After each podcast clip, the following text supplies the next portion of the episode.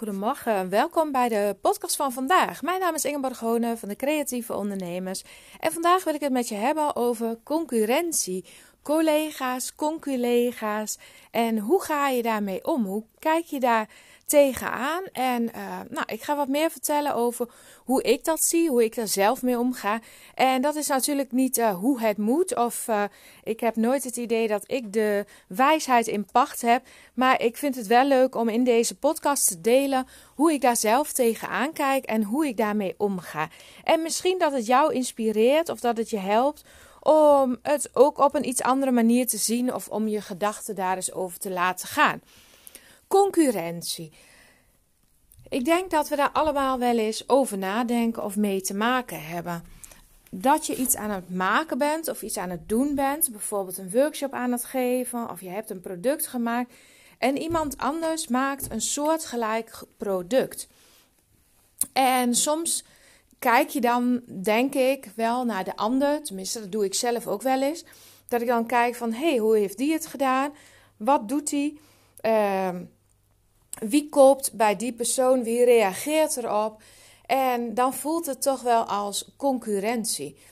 En we hebben dan soms het idee van, hé, hey, doordat die persoon ongeveer hetzelfde doet als ik, ehm, ja, is het echt een soort ehm, strijd om de klant.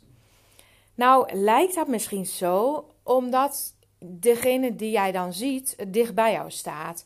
En omdat hij misschien in dezelfde kennissen, vriendengroep uh, functioneert.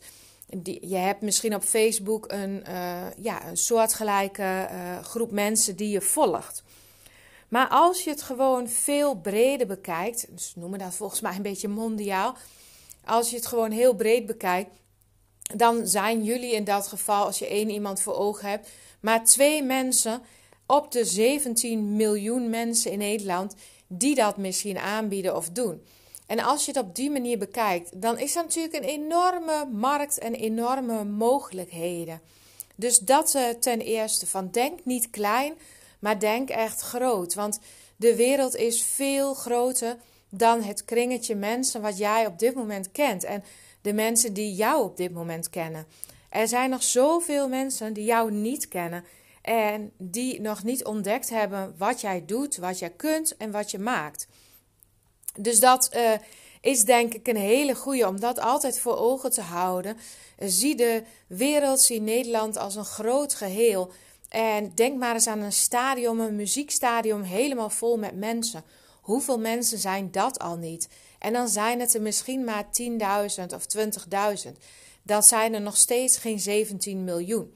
En ik weet, ze zijn ook niet allemaal jouw potentiële klant. Maar als jij er nu 100 kent, dan zijn er vast nog 100 en nog misschien wel 1000 potentiële klanten te vinden. En ik vind het zelf, ik heb dat uh, eigenlijk op die manier ook wel uh, jaren zo bekeken. Dat ik eigenlijk bijna bij iedereen die iets deed wat leek op wat ik deed, dat ik al een beetje de kriebels kreeg. En gelukkig op dit moment sta ik daar eigenlijk niet meer zo in dat heeft best wel een hele lange tijd gekost. Dat was echt een proces voor mij om dat, uh, ja, om dat om te turnen, zeg maar. Om daar heel bewust mee bezig te zijn. En het heeft ook vooral te maken, als je het wat groter maakt, niet denken in tekort, maar denken in overvloed. Dus niet denken dat er maar een beperkt aantal klanten zijn, dat er maar een beperkte hoeveelheid geld is, maar denken dat er ontzettend veel klanten zijn en dat er ook ontzettend veel geld is wat in omloop is en wat gebruikt kan worden om te kopen, te consumeren, te gebruiken. En ik zit even hard op te denken met je, waar is voor mij dit dan veranderd? Het is echt wel een bewust besluit geweest om dat anders te willen zien. Uh, met name ook op uh, beurzen waar ik wel eens stond, creatieve beurzen, voelde ik heel vaak een soort van ja, echte concurrentie. Uh, heel erg um, ja, naar elkaar kijken, maar ook elkaar bijna als vijanden zien. Ik probeerde nog wel eens vriendelijke contact te leggen, maar uh, heel vaak werd het toch heel erg afgehouden. En uh, ik ben het vooral blijven doen: contact leggen met mede-ondernemers op een markt en beurs. Maar ik merkte vaak wel dat mensen dat wel bijzonder vonden. En in eerste instantie dan vaak wat argwanend waren. Nou, mij bevalt het heel goed om te denken in overvloed, om te denken in uh, er is genoeg voor ons allemaal. En een hele belangrijke die daar ook mee te maken heeft, is vooral het stukje uh, marketing en het ja, persoonlijke neerzetten van jezelf, van je brand. En om te ontdekken dat mensen vooral bij jou komen om jou, om de manier waarop jij het doet, de manier waarop jij het vertelt, de belofte die jij doet en de manier waarop jij mensen kunt helpen of een probleem kunt oplossen. En die manier, zoals jij dat doet, dat is uniek. En als voorbeeld wil ik het even met je hebben over een uh, kapper. Er zijn natuurlijk ook ontzettend veel kappers. Ik heb geen idee precies hoeveel, maar ik denk in Nederland dat er echt wel 10.000 kappers zijn, of misschien nog wel meer. En elk dorp en elke plaats heeft denk ik al wel, nou, als het een beetje middelgroot is, als ik kijk naar Ommen bijvoorbeeld hier, dan denk ik dat we hier toch zeker een stuk of, nou, misschien wel acht kappers hebben of zo. En dan zijn er nog een paar die het misschien uh, wat kleiner doen en bij mensen op bezoek gaan en zo. Dus ik denk dat we hier toch zeker acht tot tien kappers hebben. En uh, die hebben volgens mij ook allemaal gewoon werk. En waarom ga jij nou naar een bepaalde kapper toe? Dat kan volgens mij verschillende redenen hebben. Dat kan bijvoorbeeld zijn dat de ene kapper gespecialiseerd is in krullen. Die kan heel goed knippen zodat je krullen het mooist vallen. De andere kapper is misschien heel gezellig om mee te praten. Je bent daar een keer geweest, je voelde je heel erg op je gemak. En uh, je kreeg een lekker kopje koffie en ze namen alle tijd. En dat gevoel, dat vond je zo prettig dat je er weer naar terug gaat. Zelfs als je niet helemaal perfect hebben geknipt. Uh, en het kan ook zijn dat je ergens bent geweest en dan ging het lekker snel. Hadden ze een strakke planning, duidelijke afspraak. En je was met 20 minuten weer buiten en het was helemaal voor elkaar. En je weet precies waar je aan toe bent. Elke keer als je daar naartoe gaat, dan zit het gewoon goed. Is het gewoon snel en vlot. En, uh, dus, dus de manier waarop ze het doen, ze knippen allemaal haar. Maar de manier waarop ze het doen, hoe ze het aanbieden, wie ze zijn, dat maakt gewoon heel veel verschil. En dat maakt waarom de ene persoon naar de ene kapper gaat en de ander naar de ander. En zo is het ook voor jou, met name ook als je workshops geeft. Dan gaat het om een aantal factoren die het verschil gaan maken of een klant naar jou toekomt. Het verhaal wat jij vertelt, de belofte die jij uh, doet, hè, van in deze workshop uh, leer je dit, dit en dit. En aan het eind van deze workshop dan ga je naar huis met dit, dit en dit. En de manier waarop je dat vertelt en de inhoud daarvan, dat moet de persoon aanspreken. En dan gaat het om jou, hè, wat weet je over te brengen. Uh, straal je uit dat jij deskundig bent, dat jij dat goed gaat doen, dat het gezellig wordt dat als ze bij jou komen. Uh, dat zijn allemaal factoren die meespelen. En een andere factor is misschien de prijs, maar ik denk dat dat meestal niet de belangrijkste factor is. Ik denk dat de meeste mensen eerst kijken van wat wil ik en met wie wil ik dat. En daarna pas kijken van en wat kost het. En soms is dan de afweging van oké, heb ik dat ervoor over? Maar die eerste twee factoren weet jij duidelijk uit te leggen en weet je jezelf goed neer te zetten. Die zijn ook bepalend of iemand de prijs ervoor wil geven. Um, ik uh, noem maar wat. Hè. Ik, uh, uh, bijvoorbeeld een workshop vilt. Ik weet dat er heel veel mensen zijn die workshops geven. Nou, ik geef online workshops. En er zijn veel mensen die geven een workshop in een atelier. En eigenlijk heb ik het bereik van de hele wereld. Dus in feite zou iedereen die een workshop geeft, een concurrent van mij kunnen zijn. Andersom kan ook iedereen die een workshop geeft, mij als concurrent zien. En toch denk ik dat het heel verschillend is ehm, hoe iemand het doet. Uh, het grote verschil is natuurlijk dat ik het online doe en dat heel veel andere mensen het in een atelier doen. Dat brengt al een extra dimensie, een sfeer, een extra uh, uh, ja, stukje contact. Dus dat is iets wat ik gewoon in een online cursus ja, op een andere manier kan bieden. Dus dat is, mensen gaan soms voor online omdat ze dat handig vinden. Andere mensen gaan naar een atelier omdat ze dat fijn vinden, gezellig vinden. Of ze hebben een bepaalde indruk of ervaring dat het voor hun beter werkt. Het is niet altijd de waarheid, maar soms hebben mensen die ervaring van een andere gelegenheid. Dus daar heb jij ook nog mee te dealen. Hè?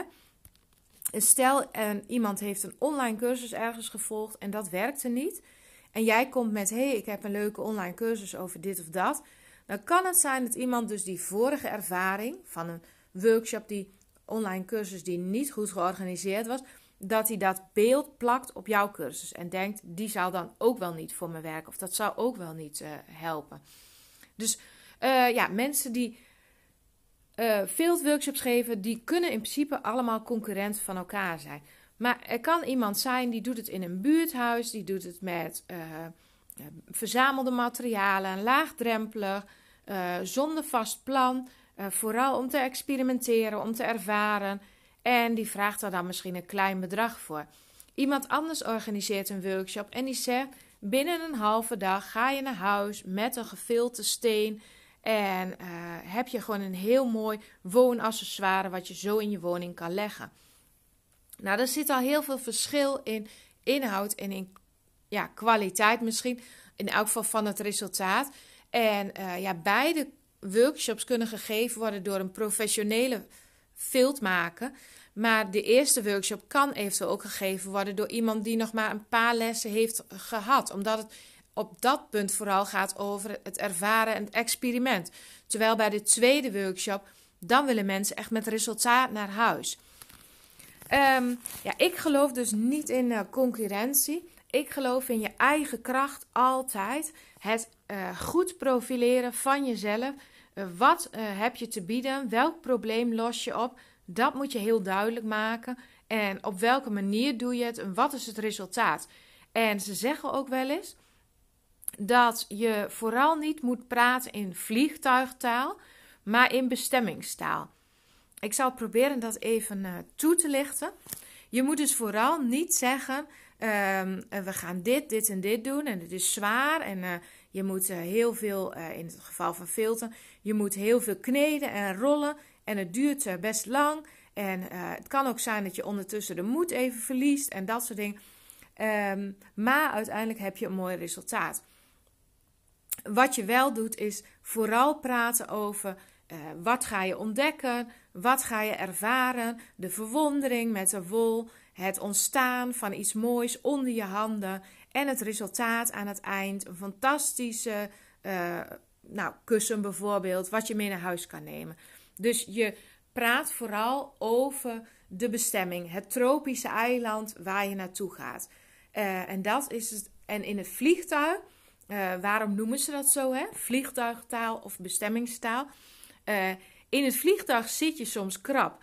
In het vliegtuig heb je soms last van andere reizigers. schreeuwende kinderen misschien wel. Turbulentie. Ehm, slechte maaltijden aan boord. Als jij een, een zomerse vakantie gaat boeken, dan zegt die aanbieder ook niet van: Oké, dan gaan we met het vliegtuig. Je hebt maar 10 centimeter voor je benen. Waarschijnlijk zit je naast een peuter en een, een snurkende oude man. Um, de maaltijd is zeer matig, maar we hebben wel een maaltijd. Um, op dit traject komt regelmatig turbulentie voor. Maar als je dan op je bestemming bent, dan is het eiland wel heel mooi. Nee, in die reclame hebben ze het nooit over die reis. Alles wordt geregeld. De vliegreis wordt volledig voor je verzorgd. En meer zeggen ze er niet over. En als je dan aankomt, staan de strandbedjes voor je klaar de wuivende palmen, de uh, cocktail uh, wordt ingeschonken bij de bar. Jij kunt heerlijk gaan genieten van een onbezorgde vakantie. Dus dat is misschien wel heel erg overdreven, hè? maar uh, wel even om je aan te tonen van hoe verkoop je nou jouw product en hoe verkoop je nou jezelf. En jezelf verkopen, dat is vooral um, heel belangrijk om heel dicht bij jezelf te blijven. Dus gewoon zoals je bent maar dan wel de beste versie van jezelf. Dus houd je niet in, houd niet tegen. Denk niet wat zullen mensen ervan vinden als ik mijn volledige enthousiasme laat zien. Maar laat dat gewoon volledig zien. Wie ben je? Hoe enthousiast ben je? Wat, ja, waarom vind je het zelf zo leuk? Als je dat vertelt zonder handrem erop, dan kunnen mensen je echt leren kennen. En dan gaat het ook voor je werken. Goed, ik ga deze aflevering afsluiten. Ik hoop dat het je weer wat inzicht op heeft geleverd. Ik denk altijd van er is gewoon ruimte voor iedereen. We kunnen gewoon naast elkaar ons ding doen. En uh, wees ervan overtuigd dat jouw manier en jouw kwaliteit goed genoeg is voor een hele mooie groep klanten. En dat er een andere groep klanten voor mij is en voor die andere talentvolle uh, kunstenaar. En vanuit dat vertrouwen mag je naar buiten komen. Dat is vanuit vertrouwen en niet vanuit angst. En uh, het heeft ook te maken met een opbouw, het laten groeien van je onderneming. Niets gaat vanzelf, maar het volharden en doorzetten op jouw manier zal uiteindelijk zijn vruchten afwerpen. En uh, nou, dat is ook eigenlijk altijd mijn ervaring. En hoe enthousiaster je zelf bent over de inhoud, hoe, um, ja, hoe meer mensen dat zullen merken. Dus uh, wees vooral niet terughoudend. Trek je niets aan van anderen die een soortgelijk iets doen, maar doe het gewoon volledig op jouw manier. En uh, dan kun jij gewoon een heel mooi bedrijf opbouwen met jouw mooie kunst, met je mooie workshops of welke dienst je dan ook aanbiedt. Ik ga mij uh, voorbereiden op de tweedaagse opstart van de, het traject wat ik geef over het maken van een eigen collectie.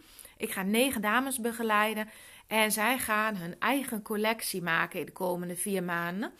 En vandaag en morgen hebben we daar de opstartmoment voor.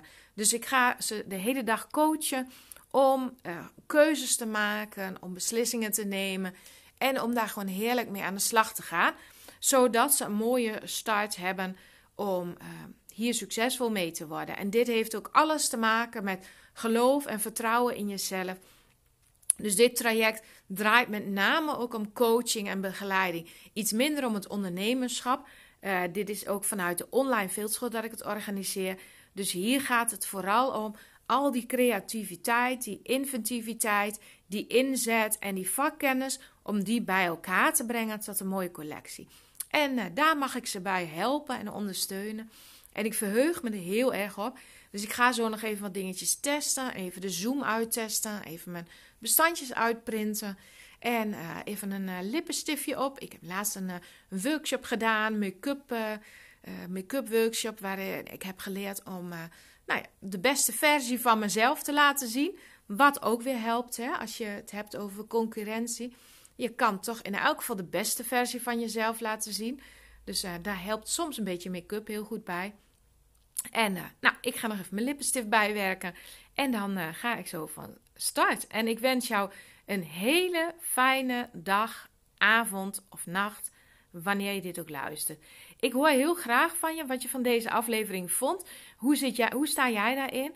Uh, wil je mij daar misschien iets over vertellen? Stuur me even een e-mailtje. Ingeborg. nee, doe maar info at En um, we hebben trouwens een heel mooi nieuw e-book. En uh, als je de social media in de gaten houdt, komt het vast langs. En ik ga je er vast ook nog een e-mail over sturen als je op mijn e-maillijst staat. Dus kijk even op www.decreatieveondernemers.nl en vandaag of morgen staat het nieuwe e-book erop met 51 ideeën om een online cursus succesvol in te zetten. Dus kijk daar ook nog even naar. Ik wens je een hele fijne dag. Dag!